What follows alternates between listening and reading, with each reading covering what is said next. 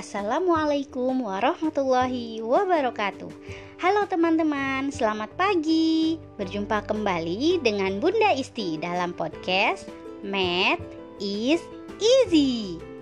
Di minggu sebelumnya kita sudah bahas tentang penjumlahan bilangan bulat. Kali ini kita akan membahas tentang pengurangannya.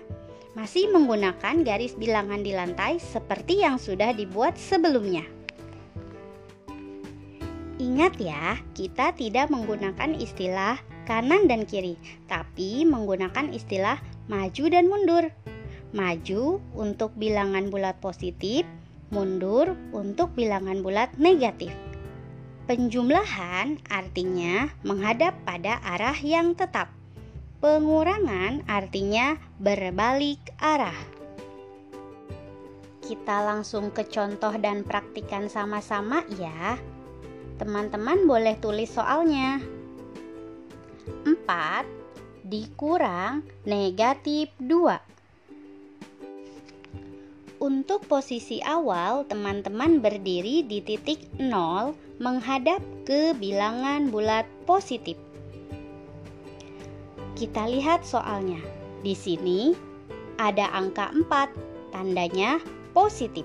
Artinya, teman-teman maju sebanyak 4 langkah. Teman-teman akan berhenti di angka 4. Kemudian dikurang, artinya berbalik arah.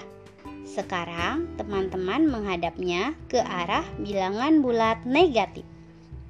Setelah itu ada angka negatif 2. Tandanya negatif.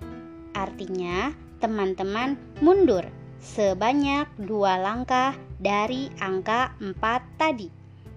Teman-teman akan berhenti di angka 6.